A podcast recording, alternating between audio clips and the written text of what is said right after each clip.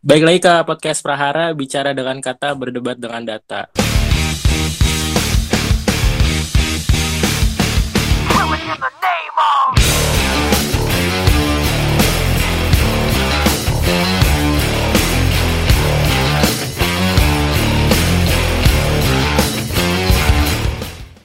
Oke, eh, di podcast hari ini kita bakalan ngomongin tentang yang lagi tren akhir-akhir ini. Tapi sebelum itu kita kenalan dulu nih sama yang hadir di podcast eh, hari ini. Coba, ayo kenalan satu-satu. Halo, balik lagi sama gua Afla. Ya, halo Mas Afla. Selanjutnya, Halo, halo, balik lagi dengan saya Gustam. oke, lanjut. Ya, ayo, siapa? Saya kembali lagi dengan saya Yumna dari Departemen PSDM Himasigi. Eh, oke, Mas Yumna. Ya, ayo dilanjutkan perkenalannya. Ya, halo semuanya, kembali lagi kepada saya eh, Ilmu Kedokteran UI. Terima kasih, Irfan namanya. Ya, selamat datang ya Mas Irfan. Eh, lanjut. Ya, perkenalan saya nama sama saya Dharma dari UPN Veteran Yogyakarta.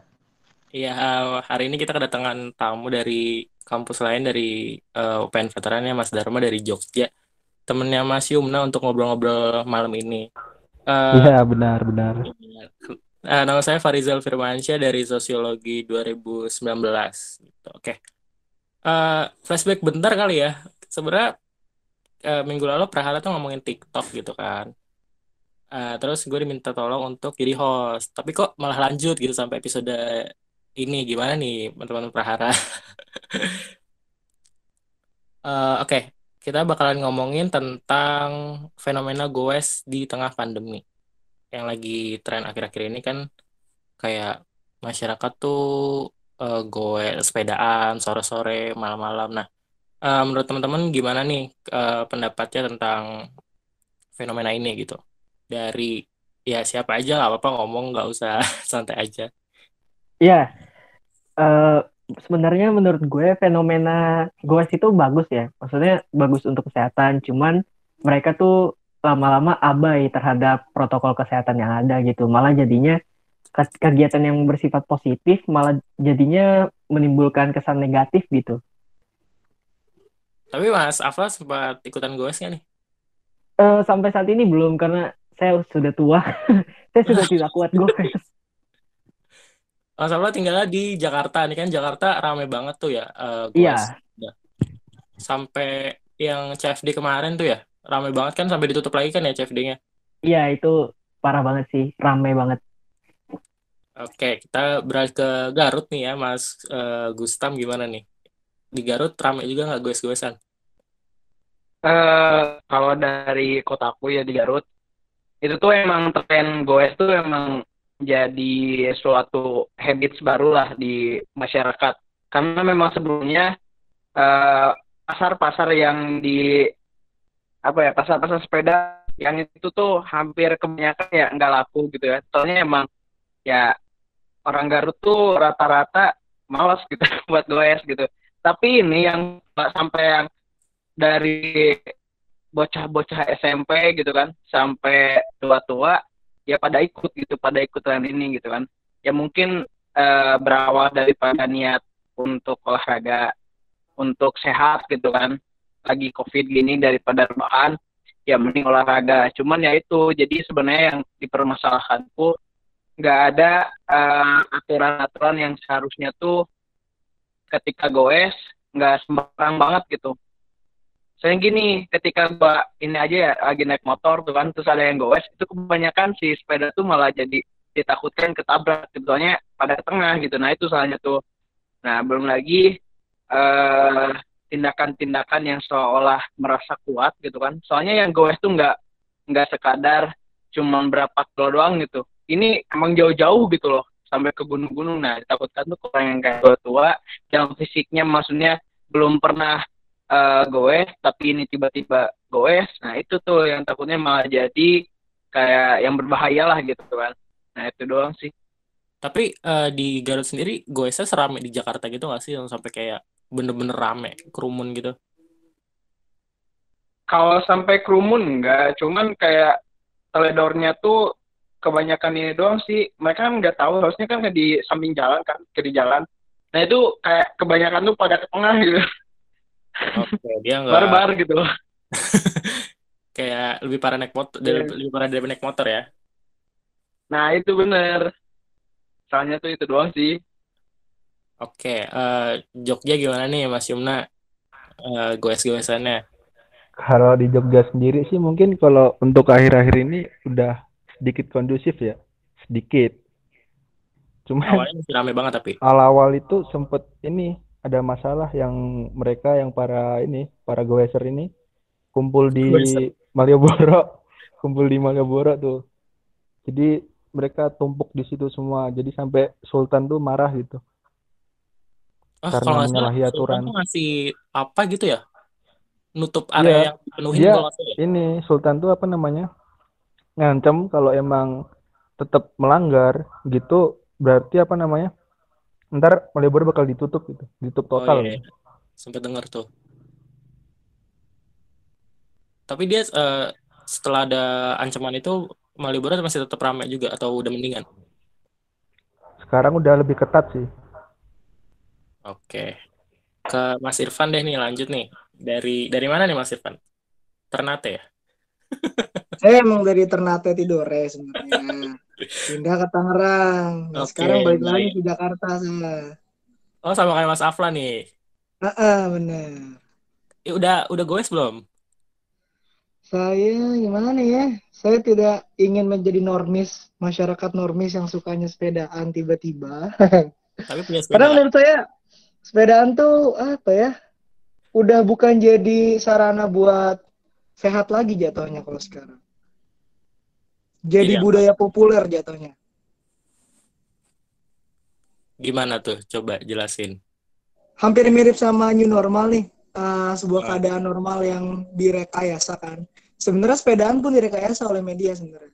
Soal eh, gimana gaya kita buat hidup sehat, gimana kita buat ngelatih imun kita biar makin kuat dengan sepedaan kan. Nah, dari media yang memberitakan atau apa ya mempropagandiskan yang kayak gitu. Akhirnya banyak orang-orang yang sepedaan. Hampir mirip saat media bilang kalau misalkan virus corona ini dapat dicegah dengan pakai masker. Orang-orang beli masker. Hampir mirip nih kalau menurut gue pola-pola dalam masyarakatnya. Makanya menurut gue apa ya sepedaan ini malah jadi sebuah trending baru gitu dalam eh, dalam tren-tren yang lahir pasca COVID-19 kalau menurut gue sih gitu makanya gue nggak begitu suka sih ngelihat orang sepedaan yang cuma ikut-ikutan doang justru Sama kayak itu gak sih? Berjemur kan sempat tuh berjemur. ya ya berjemur juga udah kayak bule sempet juga trending gue nggak ngerti dah masyarakat Indo cepet banget yang namanya trending tuh Iya kan berjemur juga awalnya tuh berjemur rame banget tuh jam 10 jam 9 berjemur. Sekarang Iya. sepedaan. udah kayak anak bayi tuh dijemur Oke, eh, yang kata Mas Irfan bilang yang yang lanjut yang framing media yang kata ningkatin imun dan segala macam. Nah, ternyata udah ada kasus nih ya dari hmm, makanya Mas Dharma join ke kita nih mau cerita dikit tentang kasus sepedaan tapi dia malah meninggal gitu nih. Mas Dharma coba ceritain dong eh, gimana eh, ya itunya adegan adegan. Maksudnya kejadiannya gimana yang Mas Dharma tahu? Eh, ya itu kalau yang awal-awal tuh sebelumnya kasus yang sebelum ini kejadiannya kan apa di jalan. Jadi ada sepeda lagi muter balik tapi dia di jalan besar gitu loh. Terus dia kan ketabrak sama mobil. Jadi kalau menurut saya menurut dari banyak orang itu tetap ngarahnya ke sepeda yang salah. Jadi sepedanya kan muter balik di posisi eh, kita biasa bilang jalur cepat kan Nah, mobil Mhm. itu langsung ngantem dia gitu. Terus kalau yang barusan ini eh ada yang meninggal karena sakit jantung. Ya, mungkin dia emang nggak kuat ya kondisi fisiknya, tapi mungkin orangnya maksain. Jadi belum terbiasa sepedaan terus dia maksain sepedaan jadi kondisi dia juga sakit, terus dia bisa meninggal itu. Oke, berarti kayak ngelanjutin sama kayak di Garut ya, dia lebih kayak nggak mematuhi peraturan lalu lintas gitu ya. Iya, kalau yang awal itu emang gitu dan banyak yang kayak gitu, nggak cuma satu dua. Eh, yang meninggal ini di daerah mana, Mas? Kalau yang meninggal karena kecelakaan ini di daerah Kulon Progo kalau nggak salahnya. Kalau yang belum diketahui sebabnya, tapi kemungkinan jantung itu ya. Ya, kalau yang jantung itu eh, di daerah Turi, jadi beda tempat itu. Udah berapa kejadian? Oke, eh, aku ke Nada dulu ya, Mas. Nanti eh, ada Mbak Nada nih yang baru datang. Nanti kita balik lagi ke Mas Dharma ya. Eh, Oke. iya, Eh, Nada gimana nih? Ceritain dong. Nada baru join nih. Pokoknya kita lagi ngebahas tentang sepedaan nih, Nat. Lu kan anak Jakarta juga nih ya, ibaratnya. Sepedaan juga nggak? Oh ya, selamat malam semuanya. Eh, sebenarnya tuh saya semenjak di Jakarta tidak mengalami atau menaiki sepeda di saat pandemi seperti ini. Udah lama, tapi emang pengen sih, pengen sepedaan. Cuman masih rada takut aja, Kak. Eh, apa namanya? Kan ada yang bilang kalau saya sepedaan pakai masker, sedangkan kita tuh diharuskan pakai masker saat sepedaan. Nah, itu takutnya tuh malah bahaya gitu. Karena emang ada kasus di mana eh make eh, pas gue sepeda gitu terus pakai masker tapi mungkin jantung atau apa kali ya tapi itu nggak bagus sih kayak gitu jadi masih khawatir lah kayak gitu kalau kalau aku sih ya Jal Nada di daerah mana sih Jakartanya? Jakarta Timur Afla di mana tuh? Jakarta mana, Afla? Jakarta Timur. Oh, kenapa nggak kalian sepedaan gitu kayak? kan saya sudah tua, saya saya sudah tidak kuat. Karena karena ada kejadian Nizal Apa yang lucu. Jadi eh, banyak lah dari beberapa teman gue yang tiba-tiba pengen sepedaan. Nah dia ngajakin gue, gue bilang gue nggak mau, gue gue udah nggak kuat buat sepedaan. Terus akhirnya dia sepedaan, cuma buat istilahnya cuma buat instastory lah. Habis itu dia sepedaan sampai eh, Bundaran HI atau Jakarta Selatan, gue lupa. Dan pulangnya dia naik Gojek dan sepeda dia tenteng di Gojek. Demi apa? Sumpah. Sumpah. Gua, makanya gue mikir kayak ya itu emang dia nggak biasa naik sepeda cuma buat instastory jadi pulangnya dia tenteng itu pakai Gojek tuh sepeda. Wah, sama kayak model-model CFD-an tapi pakai jeans gitu ya. Jadi kayak cuma foto-foto aja. Iya, tidak sesuai dengan tempatnya. Oke, eh baik lagi ke sepeda nih. Lanjutin omongannya Mas Irfan tadi. Kira-kira menurut pendapat kalian gimana sih mandang ini? Apakah bener ini cuma sebagai tren dan orang-orang tuh kalau nggak ngikutin tren ini kayak, aduh gue ngerasa ada yang kurang nih, belum gaul banget gitu. Eh dari siapa? Dari Mas Irfan deh yang ngomong pertama kali itu. Gimana gimana? Tanggapan gua atau gimana? Iya, betul. Kayak ada, kan lu tadi ngomong kalau ini tuh cuma tren semata aja gitu. Kenapa bisa Iya. ngomong kayak gini? Karena eh, kalau misalkan lu lihat nih soal contoh ya, gue sempet lihat di Instastories akun lawak gitu kan. Soal lampu merah, yang namanya lampu merah, mau kendaraan apa pun, bahkan orang sekalipun, dari arah yang dituju ya, harusnya kan nggak boleh lewat dong. Ya nggak sih, lampu merah loh. Lampu Iya, merah iya, loh. betul. Ini malah mentang-mentang mereka pakai sepeda, malah nerobos lampu merah. Yang Nah, gerombolan itu bukan sih yang viral di Instagram ya, dong? ya benar. Udah lihat kan lo? Wah, itu parah sih. Sumpah demi Allah, gue aja kesel.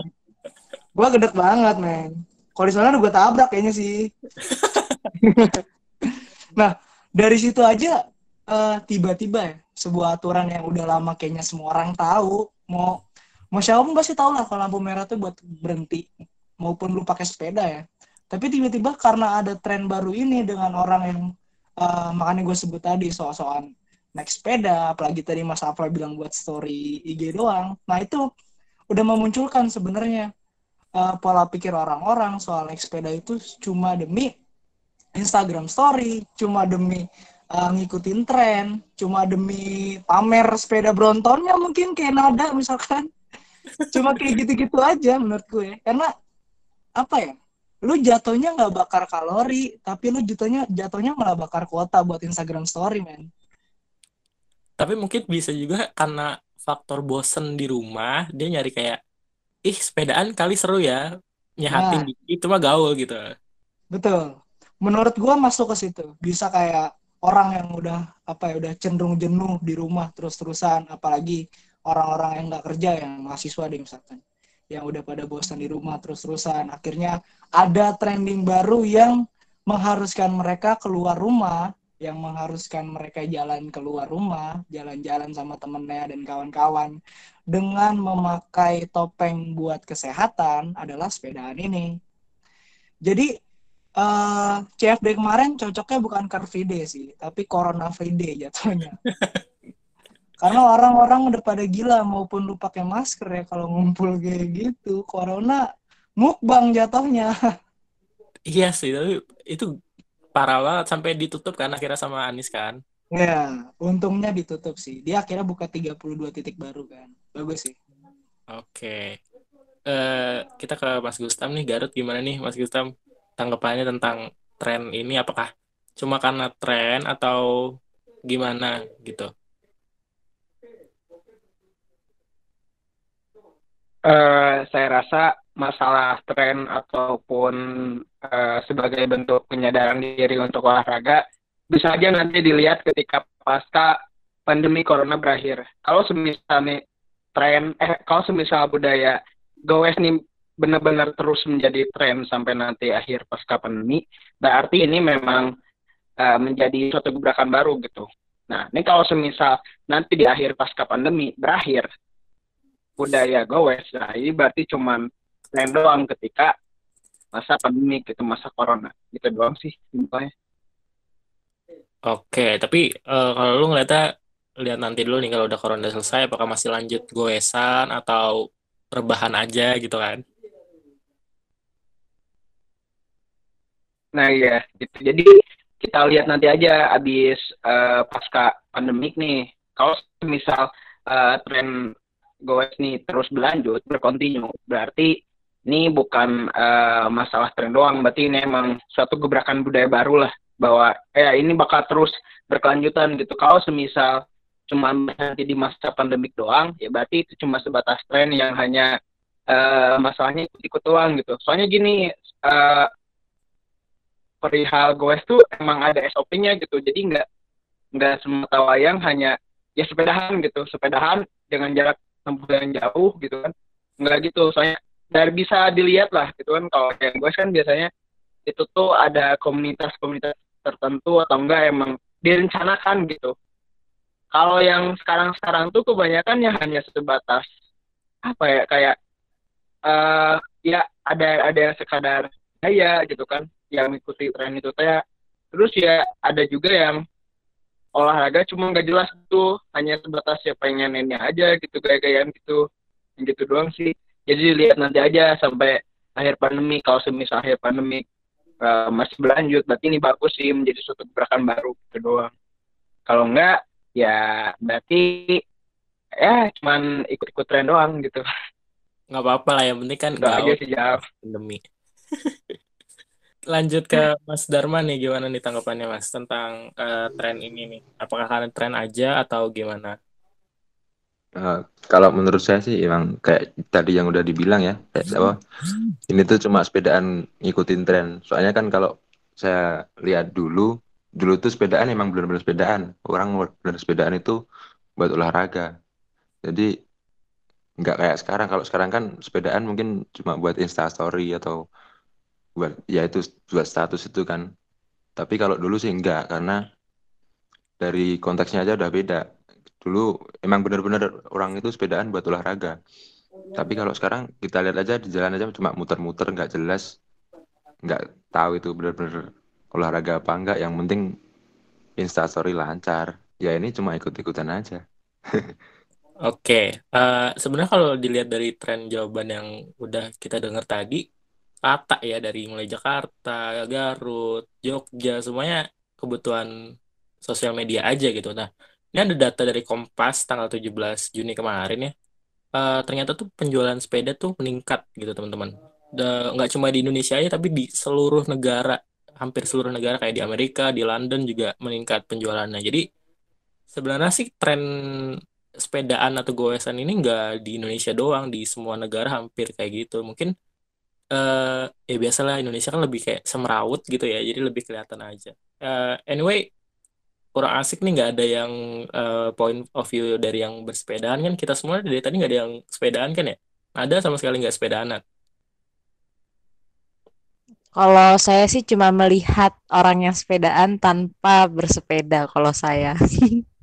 Jadinya Kenapa nggak mau? Kenapa nggak mau sepedaan? mau banget sebenarnya, tapi kalau gue tuh sepedaannya nggak mau yang sampai ke jalan raya, cuman sekitaran rumah aja kayak gitu. Oh, model-model muter-muter komplek gitu ya? Iya, atau enggak beli sayur gitu kan ke tukang sayur semacamnya kayak gitu. Baik, oke. Ya Mas Imna, kenapa nih Mas Imna? Oke, kalau aku pribadi sih kemarin sempat sepedaan ya. Ah, Cuman saya nggak bikin instastory jadi aman gitu kan. ya Biar kurang nggak gaul dibilang ikut-ikutan tren. Lagian saya kemarin juga apa namanya? eh sekedar ya udah paling keliling-keliling kampung doang kan. Sambil menikmati pemandangan gitu doang sih. Sendirian aja tapi ya, sepedaannya. Enggak berdua. Enggak. Oh, berdua. Iya. Goncengan. Iya enggak lah Mas Farijal. Oke. Berat dong. eh perihal yang Mas Dharma tadi nih yang kata ada yang meninggal, ada yang kecelakaan. Nah, ternyata nih teman-teman ada artikel juga dari Kompas tanggal 21 Juni terbit. Ada dokter Wahyu Tri. Kalau dia nyebutin katanya kalau yang punya asma tuh nggak dianjurin untuk bersepeda karena ya apalagi kalau pakai masker kan takut. Nah, gitu mungkin salah satu alasannya bisa. Nah, untuk para cowok-cowok nih kalau misal mau sepedaan yang jauh gitu ya, lebih dari 4 jam kata dokter ini. Eh, dia bilang eh, harus nyari saddle atau jok yang nyaman soalnya bakal ada peningkatan suhu di bagian area reproduksi gitu. Nah, bakal mengakibatkan menurunkan kualitas sperma. Wow, agak serem juga ya. Mau yang sehat jadi ya gitu deh. Terus eh sepedaan ini ternyata bukan eh eh sepedaan ini ternyata tipe sepedanya juga dilihat nih Kak. Mungkin Nada nih ya, Mbak Nada nih punya Brompton nih ya di rumahnya nih. Gimana ceritain dong? Aduh, mohon maaf itu kayak bohong banget punya Brompton atau segala macam tuh bohong banget hoax hoax hoax guys. Jadi saya nggak tahu seperti apa ya. Nggak nggak nggak Nah, lu tahu nggak harga Brompton tuh berapa? nggak tahu Tebak. jutaan Iya, berapa pastinya? 5 juta apa Iya. berapa? Kasih tahu Flah. Ayo, Mas Afla nih. Pasti tahu kan anak Jakarta. Hmm, Ayo. Eh, harga Brompton sekarang itu di kisaran 50-60 juta ya. Hmm, kayak Vespa. Itu sebenarnya kalau menurut gue kayaknya harga resell deh. Karena harga retailnya nggak segitu kayaknya deh. Di kis kemarin gue baca di kisaran 25-35 juta sebelum viral. Wah, tapi gua nggak habis pikir sih kalau kita beli sepeda 25 juta. Oh, eh, itu hubungannya sama ilmu ekonomi sih, Zal. Gimana, gimana, gimana, gimana? Jadi kalau di ekonomi itu kan ada yang namanya supply demand ya. Jadi Ah. kayak penawaran sama eh, permintaan. Nah, Ah. itu sepeda Brompton itu limited. Dia cuma dibuat berapa ribu pieces. Jadi karena ketika permintaannya naik tapi nggak diimbangin sama barangnya yang naik juga, nah itu nyebabin harganya mahal gitu. Tapi gue tahu Brompton tuh akhir-akhir ini loh. Mungkin teman-teman eh, di sini udah pada tahu sebelumnya atau baru tahu juga sama kayak gue. Brompton tuh udah lama dari tahun 70 atau 80 ya. Eh, emang bagus sih, cuman mencuatnya itu karena yang eh, Garuda Arya Askara itu, yang penyelundupan sepeda itu mencuat. Ditambah lagi tren sekarang itu tambah mencuat di Indonesia. Oke, mungkin kalau dilihatin dari yang diomongin Mas Irfan tadi yang perihal tren itu juga menunjukkan status sosial lo kali ya kalau upload foto sepedaan terus sepedanya Brompton gitu kan. Bisa, bisa, bisa. Masuk akal. Orang tahu Zal, lo pakai Brompton sama pakai sepeda ontel. Loh, sepeda ontel mahal loh sekarang harganya. Iya, cuman kan bagi mereka kan itu nggak masalah. Yang penting lo kelihatan classy, kayak gitulah. Di oke, makasih Pak. Di Garut, di Jogja gimana nih? Mas ada tren kayak gitu juga merek sepedanya yang dilihat nih. Eh, kalau dari Garut yang gue lihat sih mereka yang goes kayak sepeda sepeda biasa aja sih nggak ada nggak ada apa ya nggak ada spesifik banget merek apa gitu nggak jadi kayak pakai sepeda biasa aja yang penting goes jalan udah gitu jadi nggak ada sampai gengsi-gengsian. Tapi nggak tahu sih gue sebenarnya cuman eh apa ya penglihatan subjektif doang lah. Maksudnya kayak gue lagi naik motor gitu kan di jalan terus lihat ada yang goes ya sepedanya hampir mirip-mirip yang biasa aja gitu. Bukan sepeda-sepeda yang kelihatan mahal banget gitu. Jadi kalau Garut Oke, berarti nggak terlalu tren ya. Berarti Jakarta aja nih yang rame. Emang Jakarta rame banget sih yang Brompton itu. Eh, jadi eh, pria yang eh, sepedaan ini sebenarnya tuh ya balik lagi nggak apa-apa gitu kan ya kita naik sepeda. Cuma banyak yang nggak mengindahkan protokol kesehatan gitu. Nah, eh, gue juga sebenarnya belum baca-baca lagi. Sebenarnya ada nggak sih eh, protokol kesehatan untuk naik sepeda gitu? Mungkin Mas Irfan tahu nih. Protokol buat eh, berkendara dengan baik dalam bersepeda gitu maksudnya ya. Ah, pernah baca nggak? Soalnya gue belum pernah baca juga. Atau emang nggak ada ya? Sebenarnya kalau misalkan protokol secara apa ya, secara rinci yang benar-benar ngatur soal persepedaan, gue nggak tahu ya sebenarnya ada apa enggak gitu. Cuman eh, yang tadi lu baca soal di berita di awal sebagai pembukaan itu menurut gue udah menjelaskan sih gimana orang yang baik untuk bersepeda secara jasmani ya. Makanya tadi orang asma nggak boleh sepedaan. Sama beberapa kiat-kiat buat orang bersepeda, contohnya kayak kalau misalkan wali kota gue ya di Tangerang itu nyaranin buat orang-orang yang bersepedaan secara mandiri, misalkan di wilayah-wilayah yang nggak begitu banyak orang diusahakan buka buka masker sesekali karena eh, oksigen yang ditarik oleh hidung buat nafas itu ketahan banget lewat masker, apalagi saat bersepeda karena kita lagi butuh-butuhnya oksigen dengan taraf tinggi itu kalau lagi bersepeda. Karena kan eh, banyak ion tubuh yang kita buang saat bersepeda eh, sebagai gantinya harus banyak suplai oksigen ke otak dan darah. Sebenarnya itu yang menyebabkan kenapa kalau lagi sepedaan pakai masker, ngapnya minta ampun auzubillah menjalik. Kayak gitu ya. Tapi wali kotanya udah ngasih tahu ya kalau misalnya nggak terlalu rame boleh untuk buka masker gitu. Iya, dia bilang kalau misalkan emang lu sepedaan sendiri atau ataupun sama keluarga dan di wilayah orang yang nggak begitu banyak orang, eh, lu boleh buka masker sesekali buat narik nafas karena eh, bahayanya orang yang lagi sepedaan gak pakai masker tuh sama kayak lu malam-malam nongkrong di bawah pohon. Oh, Oksigen ya, tuh oksigen tuh kurang banget. Itu dia, oksigen tuh kurang banget soalnya. Eh, tapi bukannya ada tren sepedaannya malam-malam ya? Nah itu itu yang gue lebih bingung lagi sebenarnya. Sih? Lagi rame kan ya? Iya lagi rame lah yang video yang kita bahas tadi tuh malam-malam loh. Ah, emang tuh malam-malam? Itu malam-malam coy. Ah, ih, gokil sih. Gokil coy. Kalau Aneh. olahraga malah malam-malam. Yang balik lagi nih yang kata eh, lalu lintas sepeda nih, Mas Dharma gimana nih?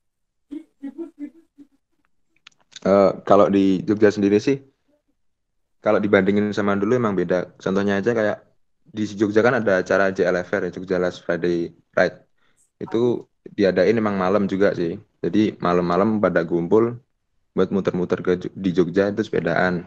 Nah kalau dulu masih tertib, jadi di lampu merah masih pada berhenti, masih pada sopan. Tapi kalau dilihat yang sekarang itu ya dalam tanda kutip orang-orang baru itu tadi itu banyak banget yang udah ngelanggar lalu lintas sama pengendara lain nggak sopan. Jadi ya balik tadi itu eh, ke tren tadi. Jadi nggak sesuai sama apa eh, haknya sepeda sendiri. Jadi nggak pada nggak ngargain orang lain kalau sekarang ini. Kalau saya lihat ya itu gitu. Pernah ada kasus negor gitu nggak Mas? Masyarakat Jogjanya kayak eh lu eh, yang bener kayak gitu naik sepedanya gitu. Atau pernah digituin nggak? Ada itu justru malah banyak di situ. Sempat Udah sering. ada Iya ada agak rame kan di Jogja juga ada grup ICC ya Info Cegatan Jogja itu di situ juga sempat rame banyak yang debat soal itu. Soalnya emang apa ya yang pakai sepeda itu dibilangin susah malah ikut ngegas jadi pada ributnya di situ. Dibilangin malah balik ngegas di sini. Eh, tapi eh, yang kata Sultan kan ngomong kalau misalnya ada area eh kalau nggak salah Malioboro tetap ramai bakalan ditutup gitu ya. eh, ada area apa lagi sih mas selain Mali- Malioboro kalau nggak salah ada beberapa ya atau cuma satu? Eh, ya itu sekitaran Malioboro sama titik nol itu sih kalau yang utama. Kalau yang lain mungkin masih masih biasa ya.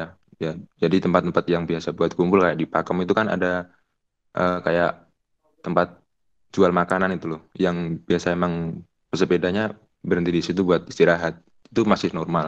Tapi yang dipusatin di daerah kota. Yang dulunya soalnya di daerah sana itu nggak seramai itu, bahkan mungkin nggak ada orang sepeda di sana, tapi karena ini apa lagi musim mungkin ya, jadi ada yang sepeda di sana itu dan nggak ikut protokol, jadi mungkin sultannya jadi ikut angkat tangan itu. Tapi sejauh ini masyarakat Jogja eh, patuh gitu sama ma- eh, himbauan dari Sultan ini. Ya kalau sebagian besar udah patuh, tapi mungkin ada satu dua yang masih ngeyel mungkin ya, tapi nggak nggak sebanyak kema- kemarin-kemarin. Oke. Eh, kayaknya kalau Jakarta atau Jabodetabek susah ya. Garut gimana di Garut? Bisa nggak? Eh, kalau gua lihat dari struktur geografisnya aja lah, di Garut tuh kan memang kota kecil. Sedangkan kalau semisal eh, ada jalur yang diperkhususkan buat sepeda tuh kayaknya susah banget. Kayaknya Garut kan kecil. Nah ini kalau eh, sekarang tuh lagi pembangunan stasiun Garut Kota gitu. Jadi nanti bakal ada stasiun baru gitu yang nantinya itu lebih memudahkan buat ke jalur Jabodetabek. Nah, ini kalau misal ada jalur sepeda itu bakal lebih mempersempit lagi eh apa ya? jarak eh ininya jarak kalau lintasnya gitu. Jadi bakal bener-bener sempit gitu. Bahkan eh buat eh apa sih namanya tuh? jalur jalan kaki aja nantinya bakal susah banget kalau semisal ada eh ininya jalur buat sepedanya gitu. Jadi kalau menurutku buat di Garut masih belum lah buat adanya jalur dipersuskan buat eh, sepeda yang di jalanan gitu. Jadi kalau mau emang eh, di ini aja sih kayak ke tempat-tempat apa ya kayak gunung gitu kalau mau kalau mau sepedahan ya. Jadi jangan jangan di kota-kota gitu. Gitu doang sih. Oh iya. Eh, balik lagi eh, lupa gue ternyata kan kita tuh harusnya punya jalur sepeda sendiri ya biar nyaman. Cuma kayaknya baru Jabodetabek aja ya. Garut belum ada nih. Iya belum belum saya kota kecil juga. Tapi gini aja Apa tuh? Sebenarnya ini gue baru baru empat jam yang lalu gue baca berita bahwa bahwa pemerintah tuh akan mengadakan pajak pajak kendaraan sepeda. Oh serius? tapi ma- masih wacana. Jadi jadi belum belum fix tapi ada ada inilah ada wacana-wacana. Nantinya kan sekarang tren makin tinggi nih yang sepeda. Nah si Kemenhub tuh bakal membuka wacana bahwa pesepeda tuh bakal bayar pajak nah itu baru banget ini Wah kok sekarang dipajakin sekarang. semua ya? Uangnya di... Wah aku gak berani takut.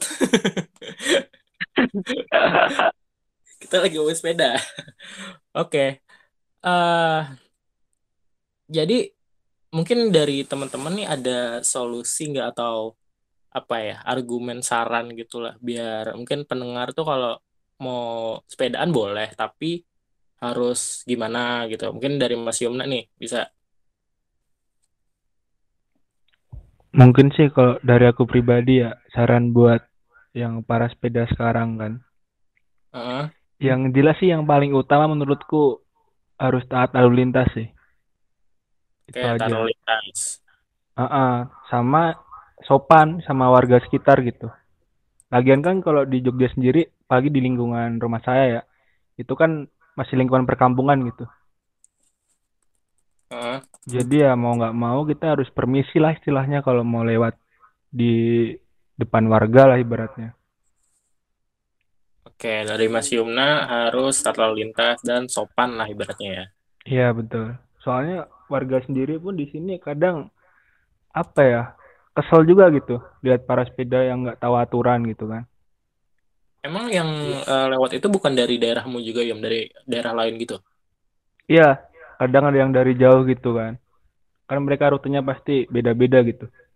Nggak cuman orang sekitar sini juga gitu. Oh, berarti benar-benar kerasa ya sampai orang aslinya tahu gitu ya kalau misalnya ada pendatang ibaratnya lah ya. Ya bahkan temenku kemarin dia orang Magelang kan. Dia rombongan sepeda itu diangkut pakai truk. Dia sepedaan di daerah pantai selatan sampai segitunya gitu. Wah, seniat itu ya luar biasa. Iya makanya kan. Mungkin- Emang trennya lagi parah sih ini.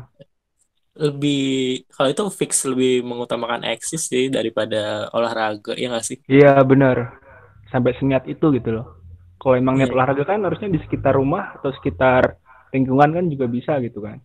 Nggak harus gue yang jauh-jauh gitu. sih? Apa? Gimana? Atau nggak gue aja sampai pantai ya nggak? Iya. Pulang-pulang langsung patah kaki gitu kan.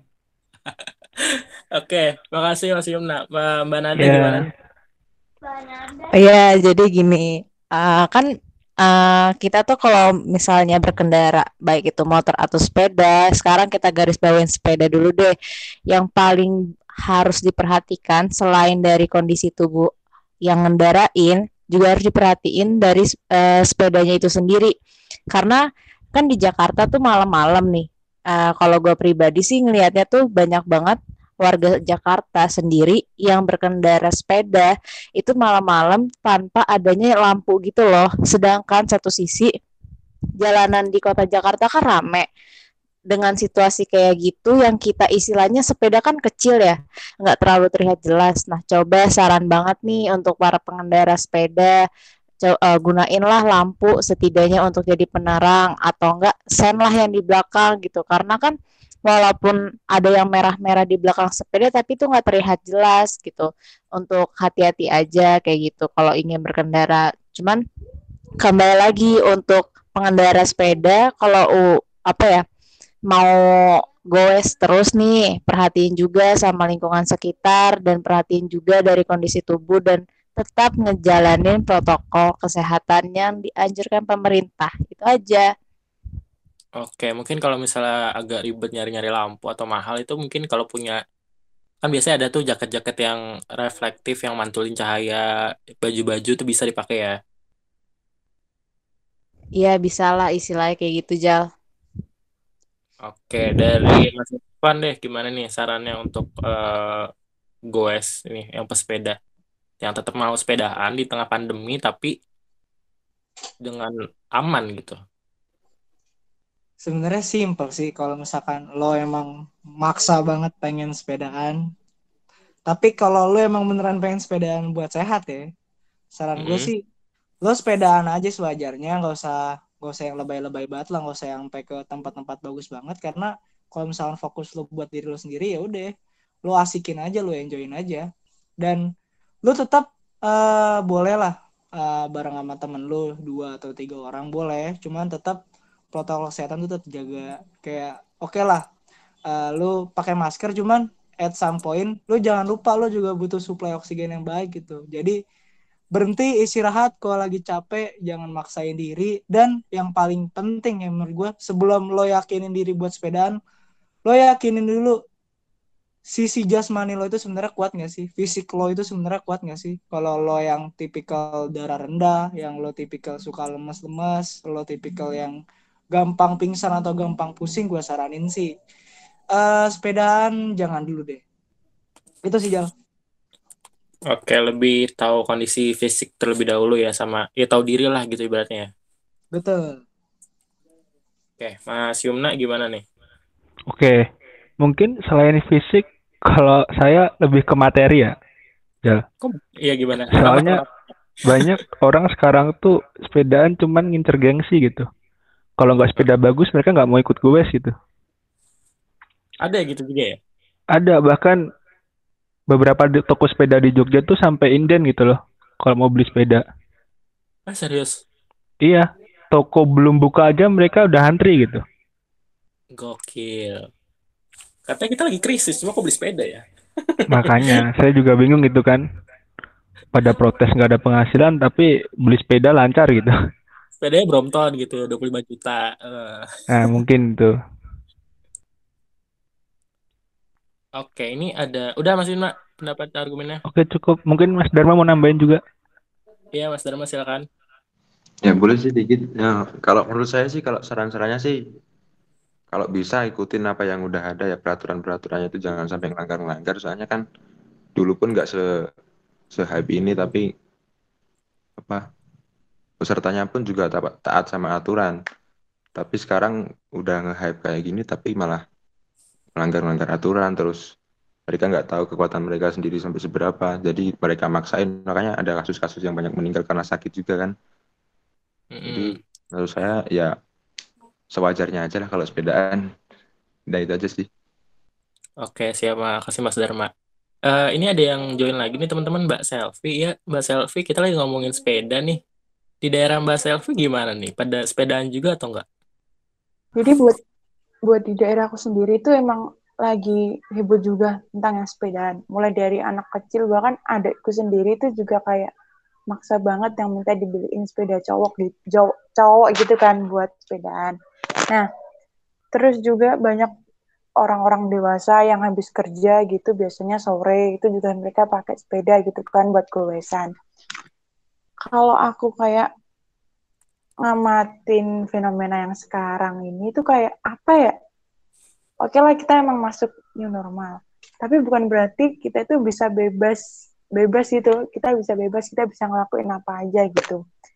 Terus juga yang menarik di beberapa sosial media itu aku temuin pernyataan beberapa orang kalau yang nyebutin mereka milih sepeda gowesan itu karena biar bisa olahraga gitu, jaga imun mereka gitu kan. Tapi yang aku nggak setuju itu kan kalau mereka gowesan itu kan harus keluar rumah ya, Mm-mm. ketemu sama banyak orang, terus juga ngelewatin banyak daerah yang kita nggak tahu daerah itu bersih apa enggak, red zone apa green zone kan kita nggak tahu kan. Iya, betul. Nah, kayak mungkin apa ya alasan mereka yang buat ningkatin imun itu yang menurut aku salah menurut aku ya itu salah itu kan kalau olahraga itu mereka bisa di rumah aja kan. Nggak harus keluar rumah dan ngebahayain diri mereka sendiri. Soalnya kalau mereka keluar terus kan misal nih kita gowesan gitu. Nah kita mungkin berhenti lah terus kan kita nggak tahu nih ada motor lewat itu bawa virus nggak? Terus nempel ke sepeda kita apa enggak kayak gitu gitulah intinya. Terus kalau kita pakai gowesan lagi kita bawa pulang kan kita kan udah sama hanya kita bawa virus buat keluarga kita sendiri dong Iya, gitu Kalau sih dari Mbak Selfie berarti aku tangkapnya lebih kayak jangan deh gitu ya. iya sih kayak ya di ditahan dulu lah buat gowesannya terus juga ada yang menarik itu kayak ada meme-meme gitu kan itu yang Hmm. ngebandingin tentang gowesan orang-orang sekarang yang dengan sepeda mahalnya sama cara bersepeda orang-orang pedesaan kayak buruh tani gitu kalau mau ke sawah. Kan kalau aku lihat dari meme itu itu orang-orang yang gowesan dengan sepeda mahalnya itu kayak lebih lebih sesuka mereka gitu kan kayak ya udahlah toh ini jalan punya umum ya terserah mau ngapain juga gitu sampai kayak ngebayain diri mereka sendiri kan kayak mereka apa ya eh, naik sepeda terus juga nggak yang teratur gitu sampai ke tengah-tengah jalan gitu kan.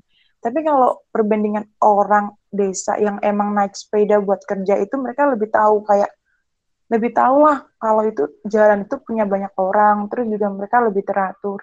Ya kayak dulu kita misal sekolah SD atau SMP sih, kalau biasanya naik sepeda gitu ya ke, ke sekolah, biasanya kan kita kayak baris gitu kan satu sepeda satu sepeda ke belakang gitu Hmm, kayak iya, lebih iya. rapi gitu Terus, Oke, dari eh, Mbak Selfie ada saran nggak nih untuk yang tetap mau sepedaan gitu? kalau aku sih kalau saran dari aku kalau emang mereka emang nggak bisa nahan keinginan mereka untuk gowes ya nggak apa-apa. Cuma ya yang penting patuhilah protokol kesehatan terus juga jaga keamanan.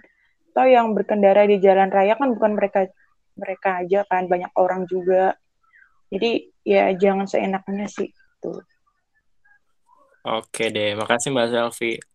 Eh, jadi kan kita sebenarnya udah nyinggung banyak hal ya, mulai dari yang kayak eh, Mas Afla bilang tadi yang sedikit faktor ekonomi, eh, terus eh, gaul dan viralnya sepeda Brompton itu gimana, terus akibatnya gimana kalau misalnya Uh, terus juga teman-teman tadi udah ada yang ngasih tips-tips ya. Mungkin uh, aku mau ngasih kesimpulan aja sih. Uh, baik lagi uh, untuk kesimpulannya, ah, maksudnya mau ngasih rangkuman dari uh, omongan kita hari ini. Untuk kesimpulan silakan simpulkan masing-masing ya. Uh, kita tuh lagi new normal ya teman-teman, tapi bukan berarti udah normal. Virus tuh tetap ada walaupun kalian mau pakai masker, mau pakai face shield atau pelindung muka motifnya Hello Kitty atau apa pun itu virusnya tetap ada. Mungkin kata WHO juga bilang uh, virusnya nggak bakal hilang kan gitu. Jadi intinya kalau mau sepedaan tetap sepedaan, jaga diri, jaga kesehatan, uh, tetap matuhin peraturan lalu lintas gitu sih mungkin dari kita.